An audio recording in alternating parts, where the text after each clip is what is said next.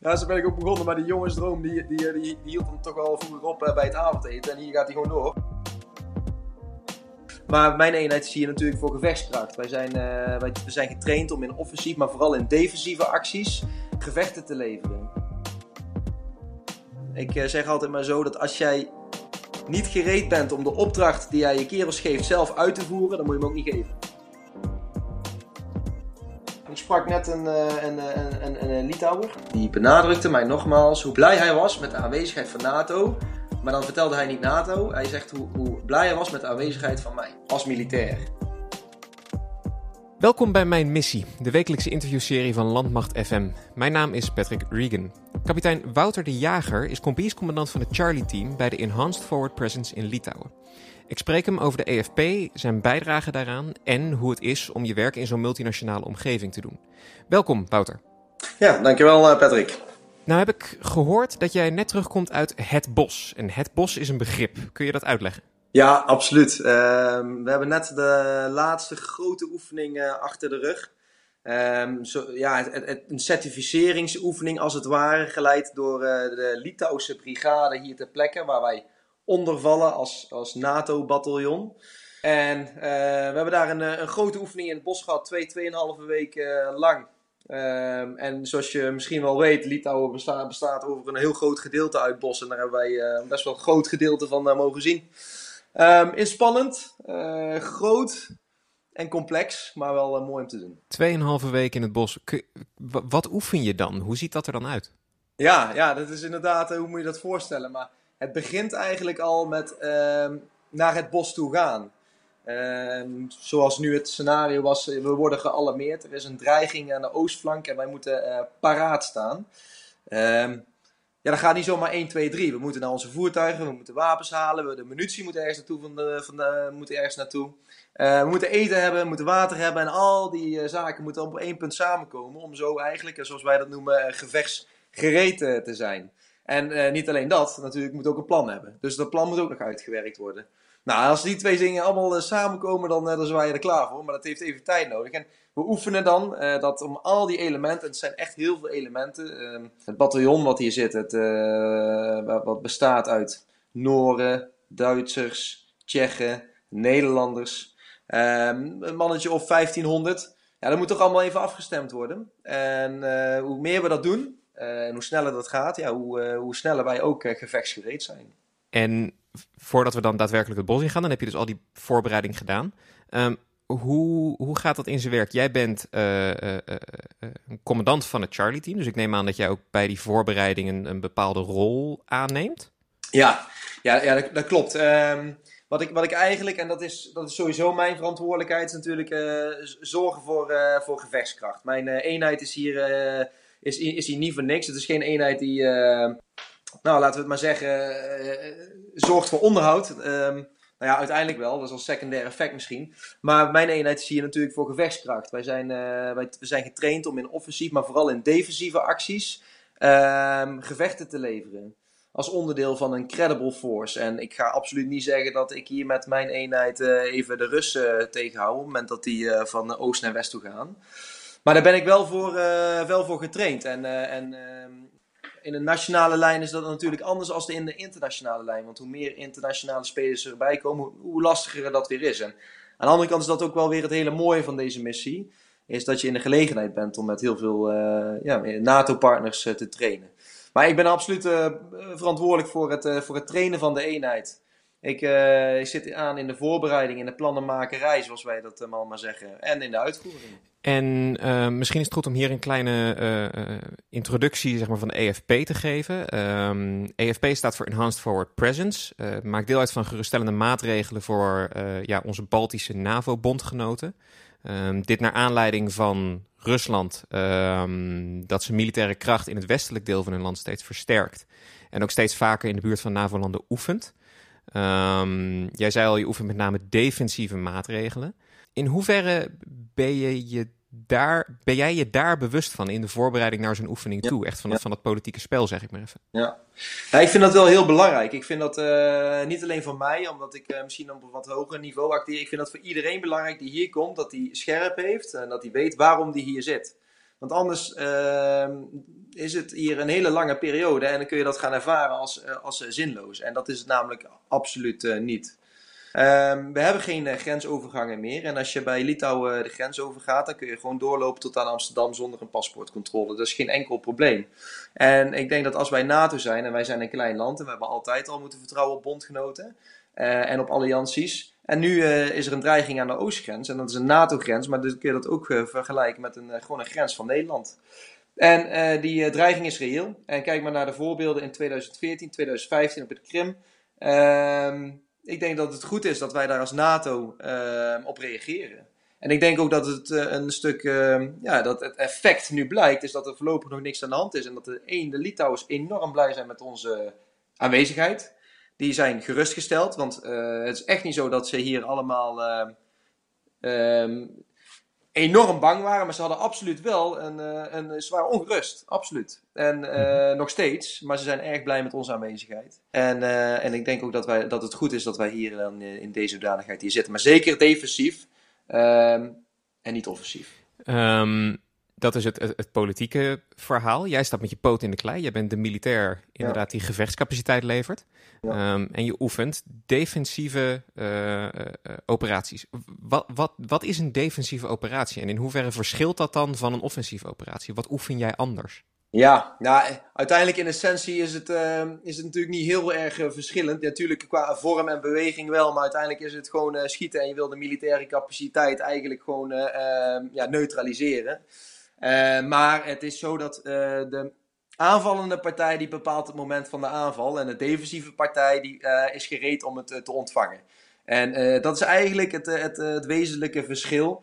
defensief, jij bepaalt het moment van de aanval niet, maar je bent wel ingesteld op die aanval. En kan hem ook weerhouden, zo goed en zo kwaad als het kan. En ja, goed, iemand aan de aanval die bepaalt zelf wanneer die gaat en waar die, waar die dat doet. En wat doe je dan defensief om daar iets, iets, iets, tegen te doen? Hoe, hoe reageer je daarop? Want dat zit dus, neem ik aan, in dat, in dat plannen wat dan aan zo'n oefening vooraf gaat. Ja, ja we hebben natuurlijk, uh, en, dan, en, dan, praat je wat meer over details, maar je krijgt natuurlijk een, een gebiedsdeel. En ik uh, zoek dan naar uh, die ruimte in dat gebied. Nou, in, in, in het gebied hier heb je bijvoorbeeld heel veel bossen. Gaan we kijken van wat zijn nou de sterke punten van zo'n stuk terrein. Uh, je hebt een stukken uh, rivieren, maar ook uh, de paden er tussendoor lopen. En je gaat kijken naar welke aspecten van dat terrein kan ik nou echt gebruiken in mijn verdediging. Nou, je moet je voorstellen dat als je over een open vlakte rijdt als aanvallende partij, je heel snel zichtbaar bent. Dus als je door het bos heen rijdt, dan, dan kun je veel langer ongezien blijven. Dus ik, ik ben aan het kijken naar het terrein, van hoe kan ik dat terrein nou zoveel mogelijk gebruiken in mijn voordeel. Dus als ik kan zorgen dat de aanvallende partij eerder over de open vlaktes moet gaan rijden, zodat ik hem eerder eh, kan zien. Ja, als ik hem eerder kan zien, dan kan ik hem ook eerder uh, bevechten. Um, en zo ben ik dan bezig met het terrein. Als je een heuvel, uh, heuvelrug hebt, uh, daar kun je best wel goed gebruik van maken, omdat het dan van nature een best wel sterke positie is. En als je daar een stuk verdediging uh, ja, gebruikt, en om, om, je daar in te graven bijvoorbeeld, ja, dan kun je zo'n stuk terrein ook uitbuiten. En zo ben je eigenlijk bezig in die voorbereiding, niet alleen terrein, maar ook qua vijand. Van wat heeft de vijand nou, wat, wat is zijn capaciteit, wat kan die? Uh, en, en, en ook zijn procedures en technieken, hoe zet hij dat dan in? En al dat soort zaken, dat analyseren wij en daar maken wij dan een, een gevechtsplan van. En uh, die oefenen we. Want we kunnen als verdedigende partij ook gewoon oefenen, zolang die aanval nog niet, nog niet begint. Nou, klinkt dit ja, dit klinkt eigenlijk, het, het is heel, heel serieus en uh, uh, we doen het met hele belangrijke redenen. Maar het klinkt ook wel een klein beetje als een soort jongensdroom. nou ja. Het is gewoon heel tof buitenspelen volgens mij. Ja. ja, zo ben ik ook begonnen. Maar die jongensdroom, die, die, die, die hield dan toch wel vroeger op uh, bij het avondeten. En hier gaat hij gewoon door. Ehm, en dat betekent ook dat het gewoon kaartwerk is. Het is warm. deze twee weken was het, was het gewoon regelmatig 35 graden of meer. Je hebt gewoon al je spullen aan. Je hebt je radio's bij, je wapens en je spullen. Je bent aan het graven. Je bent aan het rijden. Je hebt weinig tijd om uh, te eten en te drinken. En al helemaal weinig tijd om te rusten. En uh, ja, natuurlijk is het hartstikke stoer en hartstikke mooi. Maar er zit ook een, een, hele serieuze ondertoon in. En, en, je moet altijd gereed zijn om dat gevecht aan te gaan. En dat is dan toch, uh, ja, het klinkt hartstikke leuk. Maar als je, als je moet doen, is het ook super serieus. En moet je ook overtuigd zijn van dat wat je doet. Want um, ja, je, hebt geen, uh, je, je, mag niet verslappen. Ik wil ook gewoon die, die scherpte in die uitvoering. Um, en, en het is lastig als het uh, heet is en als het uh, warm is. En je wilt het liefst eigenlijk gewoon een, misschien wel wat, wat spullen uitdoen om eventjes te genieten van het mooie weer. Maar dat zit er dan, dan ook weer niet bij. Dus wat dat betreft, ja, jongens erom, zo klinkt het misschien wel, maar het is ook absoluut serieuze business en er moet hard, hard gewerkt worden. Jij begon je verhaal over de voorbereiding op zo'n oefening. Ehm, daarna ga je natuurlijk ook wat, nou, noem maar even, wat doen. Ja. Ehm, hoe lang uh, duurt dan zo'n voorbereiding en hoe lang ben je dan daadwerkelijk, uh, sta je met je poot in de klei? Ja, nou, zo'n voorbereiding ligt een beetje aan wat je met voorbereidingen. maar als je dan kijkt naar de, de, de, de, zaken die, die geregeld moeten worden, dus een, een, een, een terrein wat gereserveerd moet worden, wegen die moeten worden vrijgemaakt voor verplaatsingen, transportcapaciteit, et cetera, et cetera. Dan zitten daar echt weken uh, aan vooraf. Zo niet op sommige voorbereidingen beginnen al maanden aan vooraf. Dat is net zoals elke grote activiteit. Dat is gewoon, het begint gewoon met plannen en organiseren. Maar als we kijken naar ik, als, als, als we dan kijken, er wordt op een knop gedrukt. En ze zeggen tegen mij, Wouter, jij moet nu, moet je daar naartoe. Want we gaan ons gereed maken voor een verdediging dan kost mij dat ongeveer, um, nou ja, dat, dat, mag ik natuurlijk niet zeggen hoe lang dat precies kost, uh, want dan maak ik andere mensen misschien uh, te, slim. Maar dat kost mij lang helemaal niet zo lang en dan uh, kunnen wij gereed staan om nou, in ieder geval al de eerste verdediging te voeren. En dat is ehm, hoe hoger het niveau, natuurlijk hoe langer die voorbereidingen doen, maar op mijn niveau. En voor mij en mijn 160, 165 man is, dat, is, dat, dat, is, dat is geen kwestie van weken of dagen. Dat zou ik zo maar zeggen. En die, uh, die oefening waar je dan nu net van terugkomt. Um, hoe lang ben je, ben je bezig geweest, zeg maar? En dan direct in het verlengde daarvan. je slaapt een tijd niet, je omschreef dat, is zwaar. hoe hou je dat dan vol? Ja, ja ik, het, het allermooiste aspect van dit werk, en dat vind ik nog steeds, is, is het team. Um, we zijn gewoon een hartstikke mooi team bij elkaar. En dan, um, je hoeft het niet allemaal alleen te doen. Uh, ook niet ik als commandant. Ja, ik maak misschien de beslissingen, maar ik heb absoluut niet de illusie dat ik het allemaal alleen doe. Want zodra ik dat zou doen, dan zou het gewoon te zwaar worden. Ik heb een uh, team om mij heen en daar heb ik allemaal specialisten. Iedereen heeft weer een andere taak. En ik, mag, ik ben gelukkig verantwoordelijk om dat allemaal samen te brengen en te zorgen dat ik dan daar beslissingen in maak. Maar nogmaals, het is een hartstikke mooi team en we doen het met z'n allen. En op die momenten dat je het gewoon zwaar hebt, je hebt uh, twee of drie nachten achter elkaar, misschien één of twee uurtjes per nacht eventjes kunnen rusten. Dat is niet eens echt slapen, weinig gegeten en je moet gewoon door. En dan kijk je even om je heen en dan ga je, maak je een grapje, je lacht met elkaar en je denkt van nou. En dan is het ook weer oké en uh, dan gaan we gewoon weer door. We weten allemaal waar we het voor doen. Iedereen heeft, uh, is daar ook gewoon, ja, heeft daar ook gewoon eenzelfde drive en dezelfde passie voor. En dat is gewoon mooi om op, die, op, dit, op dat soort momenten gewoon uh, met elkaar te zijn. En uh, ik weet één ding zeker, dat als je op dat soort momenten alleen zou zijn, dan zou het uh, heel erg zwaar worden, zo niet onmogelijk. En nou zit jij er als commandant. Nou, even eerlijk zijn, dan kun je dus ook wel eventjes tussenuit als de baas. Dan kun je eventjes rust pakken en ontspannen. Of ben je er altijd bij en ben je altijd bij die gasten bezig? Ja, ja nou ja, dat zou ik kunnen doen. En uh, daarmee, uh, ik, ik, ik, ben, ik ben natuurlijk een groot fan van Lead by Example en het goede voorbeeld geven. Ja, ik zou mezelf dan niet meer in de spiegel durven aankijken. Ik, ik wil gewoon minstens net zo hard werken als, als die kerels. En ik weet dat het niet verstandig is om vooraan te rennen bij een aanval of bij een verdediging, want ik moet beslissingen maken. Maar als dat niet belangrijk was geweest, dan had ik het nog gedaan ook. Ik vind, ik vind het belangrijk. Ik vind dat wij ook al ben je een commandant of ook al ben je een officier of ook al ben je... Dat maakt allemaal niet uit. Ik eh, zeg altijd maar zo dat als jij niet gereed bent om de opdracht die jij je kerels geeft zelf uit te voeren, dan moet je hem ook niet geven. En ehm, eh, dat is denk ik ook een heel belangrijk aspect, zeker in, in, bij de infanterie. Is, we moeten het met z'n allen doen. En als, ja, we, en we moeten het allemaal kunnen uitvoeren. We moeten allemaal dezelfde commitment hebben. En los van het niveau waar je op werkt, iedereen moet gewoon dezelfde energie en, en inzet leveren. Je bent natuurlijk aan het oefenen voor iets wat je misschien um, nooit echt uit wil voeren. Nee, laat het ook niet. Ja. Op een bepaalde manier staat er toch een, een druk op jou als commandant. Nu is het dan inderdaad voor de oefening, maar als het echt zou gebeuren, dan ben jij uiteindelijk degene die bepaalt over mensenlevens. Hoe, ja. hoe ga je daarmee om? Hoe is dat? Ja, ja, ik kan gelukkig wel wat putten uit ervaringen uit, uh, uit eerdere missies.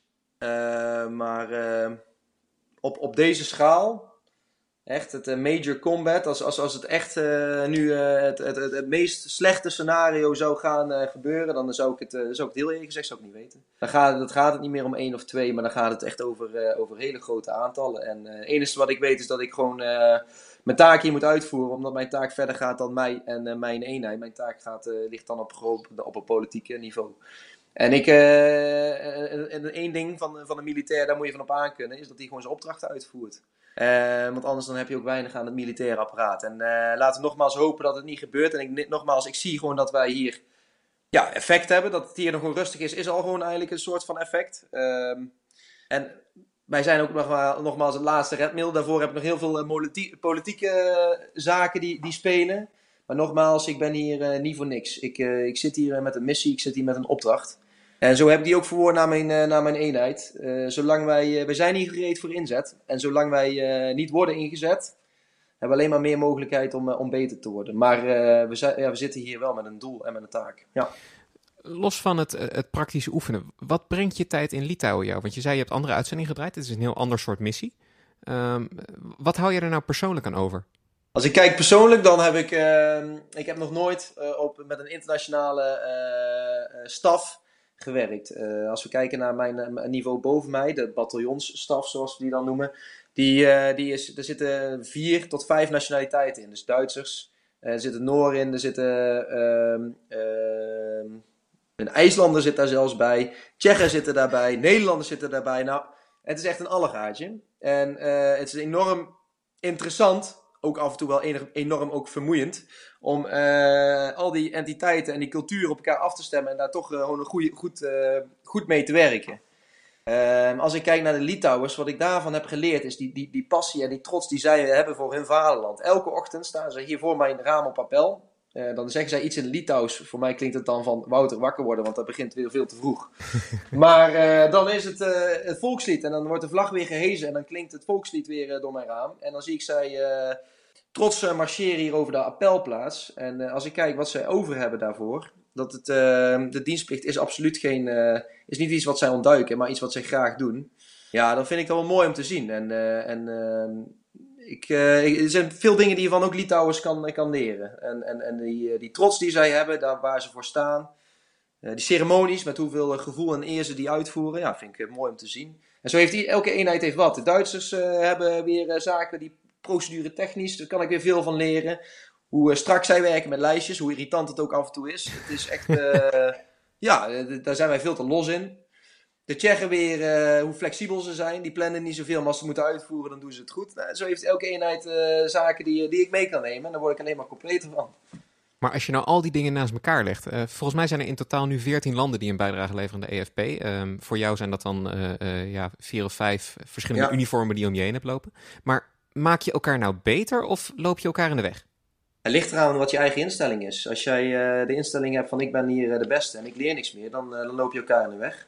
Als je de instelling hebt, ik sta hier met open vizier in. Ik ben wel overtuigd van dat wat ik doe, dat het wel goed is. Maar ik ben ook overtuigd van dat er ergens echt wel een manier is waardoor ik het beter kan doen. En als je zo op die, in die wedstrijd staat, en, dan, dan heb je enorm veel kans om hier heel veel te leren. En, je doet hier gewoon ook gewoon enorm veel weer nieuwe kennissen op, nieuwe collega's op. Een voorbeeld is, we hebben een, met, het, met het Nederlandse team hebben we een, een, een, international platoon leader course hebben we uitgezet. Ik was gewoon benieuwd, ik heb gewoon een scenario geschreven en ik was benieuwd hoe gaan nou de andere pelotonscommandanten, niet alleen de Nederlanders, maar ook de anderen, van de Tsjechen, van de Duitsers, van de Litouwers, hoe gaan die nou om met een opdracht? En we hebben dan uh, groepjes gemaakt. En die groepjes, daar hebben we gewoon de nationaliteiten in verdeeld. En gekeken van hoe benaderen we nou een opdracht? Hoe bereiden we die nou voor? En dan gaan, we in het veld. Hoe, hoe, voeren we dat nou uit? En dan kom je toch tegen verschillen aan. En wat voor mij een heel belangrijk punt is, is dat uh, ons, ons, onze, onze toekomstige leiders, dat zijn nu de pelotonscommandanten van nu. Ik wil die gewoon uh, gewend maken aan het feit dat ze in een internationale omgeving moeten opereren. Want nogmaals, Nederland is gewoon niet in staat, en niet alleen Nederland, heel veel andere landen, zijn niet in staat om het allemaal zelf op te lossen. Wij moeten dat in een, een internationale omgeving doen. We moeten vertrouwen op allianties en op verbonden. En dan kun je maar beter weten hoe dat werkt, om daar zo heel snel je, je slag in te vinden. Dat je weet uh, concessies te doen, maar dat je ook weet, precies weet waar je winst valt te halen en wat je moet doordrukken. Nou, als je dat al op jonge leeftijd leert te beheersen, dan uh, ga je dat, uh, gaat dat later heel veel winst opleveren. Die pelotonscommandanten, die zijn, uh, dat zijn volgens mij jonge luitenanten die net van hun opleiding afkomen. Dus ze zullen al wel wat langer bezig zijn, maar ze zijn, wat zal het zijn, 24, 25? Ja, zo rond die koers. meestal wel. De meesten hebben een vierjarige opleiding op de KMA gedaan. Daar begonnen ze mee na een studie. En ja, dus me meeste zijn 24, 25, ja. En dan worden ze dus gewoon naar Litouwen gestuurd. Daar krijgen ze verantwoordelijkheid over mensen. Um, ja. Hoe is dat voor jou? Want jij, jij stuurt hen als het ware aan. Volgens mij hangen zij direct onder jou. Ja, klopt. coach jij ze dan? Help je ze dan? of zijn ze al zo goed dat ze gewoon lekker de eigen weg gaan? Ja, ja, maar iedereen, ook ik word gecoacht. Hè? Dus, het is ook niet zo dat het ophoudt op een bepaald punt. Ehm, nou ja, kijk, het is ook niet zo van ze zijn hier in Litouwen en opeens hebben ze hier een personeel. We hebben een best wel uitgebreid voorbereidingsprogramma. Door sommigen wel gezegd een uitzending voor een uitzending. Want ja, je moet toch gereed zijn voor iets. En dat kost je tijd en moeite om dat, om dat te gaan beheersen. Dus dat is best wel druk, maar dat is een intensief programma. En die jongens die hebben allemaal, al die pelotonscommandanten, die zitten dan die zitten al, al ruim een jaar op hun functie voordat ze überhaupt hier naar Litouwen toe gaan. En dat is wel goed, want dat schept ook gewoon een band en dan weet je wat je aan elkaar hebt. Dus ze hebben ook al, al lekker kunnen bouwen met een eenheid. En dat gaat hier alleen maar door. En uh, ja, ik, ik, ik coach je. Ik, uh, ik kijk natuurlijk naar hun, uh, naar hun punten. Ik heb, ik, ik, ik heb mijn eigen ervaring die ik meebreng. En, ehm, en zo, doen we dat, en zo doen we dat met elkaar. Maar mijn, groot, mijn allergrootste verantwoordelijkheid is wel inderdaad het, ehm, de leerlijn, de, de, het, trainen en het coachen van, van mijn pelotonscommandanten, inderdaad. Je zei straks het woord uitzending, daar wil ik zo meteen nog even terugkomen. Maar nog even over dat multinationale wij hebben een mening over andere landen. Je zei al, de Duitsers die zijn heel goed in plannen en goed met de formuliertjes, soms iets te goed. Um, hoe kijken andere landen nou naar ons? Heb jij daar een idee van? Ja, maar die, die zijn, dat is precies het probleem. Uh, wij zijn hartstikke direct en uh, we zeggen wat het, uh, waar het op staat. en dat doen de andere landen niet zo meer. Dus, dus je moet er echt om vragen en dan moet je een goede band hebben en dan vertellen ze de waarheid wel. Nou ja, de, de, Nederlanders zijn gewoon, uh, zijn gewoon open. En, uh, en als wij denken dat wij een goede, een goede aanvulling hebben, dan gaan we die echt niet uh, zomaar achter ons, of, bij ons houden. Nee, dan, dan geven we onze aanvulling ook. Dus, dus, en dat vinden de, vinden, vinden, de, vinden de anderen ook. Ze zeggen van ja, dat is niet echt een, dus, is absoluut geen angstcultuur. Het is een open sfeertje, maar je bent ook wel heel erg open. Je bent wel heel erg direct. Soms misschien iets te open. Ja, ja, ja, absoluut. Ja, ja, ook in onze verbale, maar ook in non-verbale houding hoor. Dus iedereen kan wel zien uh, wat we ervan vinden. En dat mag best wel wat minder hier en daar. Dus daar kunnen wij wel werken. Ik zelf ook hoor. En, uh, maar over het algemeen, en dat is natuurlijk uh, is gevaarlijk om te zeggen. Want, eh, maar over het algemeen heb ik het gevoel dat ze erg blij met de Nederlandse inbreng zijn. En, en, hoe wij in de wedstrijd staan. Hoe ziet die um, structuur eruit? Want je, er zijn allerlei nationaliteiten, maar er is één nationaliteit de baas. Volgens mij zijn dat de Duitsers ja. Ehm, ja, dat is de lead nation, ja. Is dat voor jou lastig om je dan heel erg naar het Duitse te moeten vormen? Of? Nee, nee, want het, nee, dat valt mee hoor. Het is wel, uh, ja, zijn, op sommige punten is het lastig, maar is het, ook, is het anders. En als je anders, is niet per se lastig.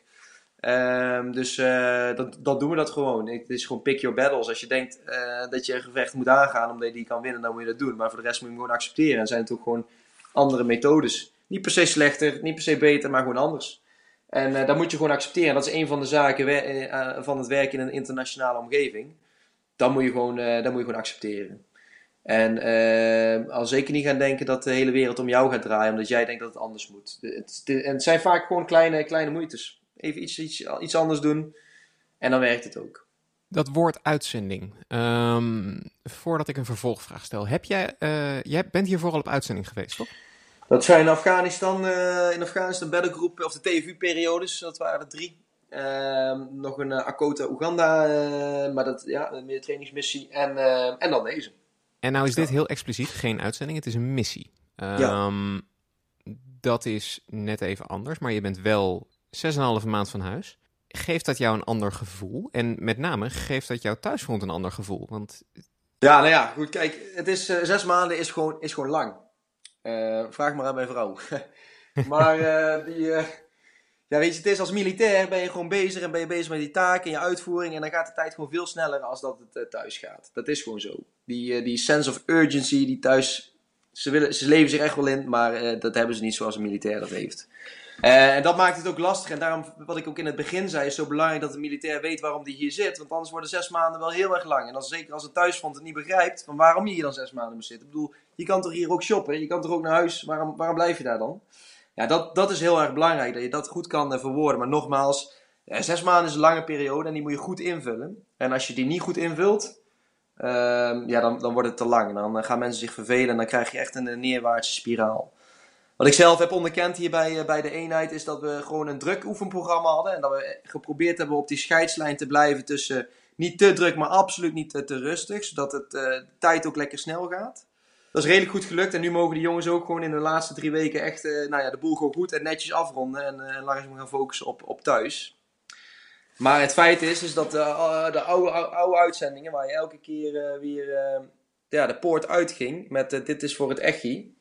Daar, daarbij was het veel makkelijker om je focus te houden op de missie dan dat het hier is. Waarbij je de poort uitrijdt en gewoon naar de winkel toe kan rijden zonder enkel probleem. Dus, dus dat is, daarom, het vraagt gewoon eigenlijk nog veel meer van het inbeeldingsvermogen van de militair. Zeker ook omdat de dreiging gewoon niet fysiek is. De dreiging is hybride. Het vraagt meer, meer van de militair en meer van de commandanten hier in het gebied. Dan ga ik hem toch stellen. Je zei het woord hybride. Ja. De dreiging is hybride. Kun je dat uitleggen? Ja, ja, dat is natuurlijk hartstikke is iets nieuws. Dat hybride oorlogsvoering. Ja, hybride, eh, wat bedoelen we daarmee? Is dat we niet meer, uh, gezegd, uh, niet meer een, een, een, militair met een, met een wapen tegenover ons hebben die, die op ons schiet en wij schieten terug. Want dat, dat houdt het wel makkelijk. Het is vervelend, maar het houdt wel makkelijk. maar nu zijn er allerlei andere aspecten, zoals mensen die niet gekleed zijn als militair, maar wel militaire activiteiten ontplooien. Een cyberdreiging, waardoor je uh, je niet, geen gebruik meer kan maken van je militaire netwerk. Uh, je voertuigen die eh, kapot zijn voordat je ze kan gebruiken door, uh, voordat je ze kan gebruiken voor, door sabotageacties. een politiek apparaat wat van tevoren al wordt omgegooid. Nou ja, ga zo maar door. Hybride, dat is natuurlijk enorm groot. maar het is niet meer alleen maar puur die militair op de grond. Het is het hele scala nu eromheen aan activiteiten en middelen.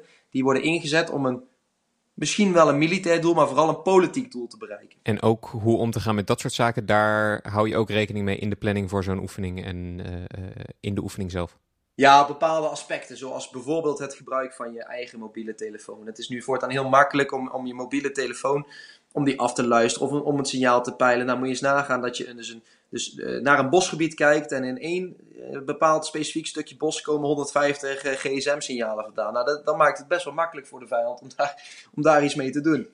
Ehm, dus dus zoda, zo in die, hoedanigheid ook zijn wij bezig met ja, bepaalde procedures. Wat, wel, wat nemen we niet mee? Wat zorgen we ervoor dat we echt enorm beperkt gebruiken?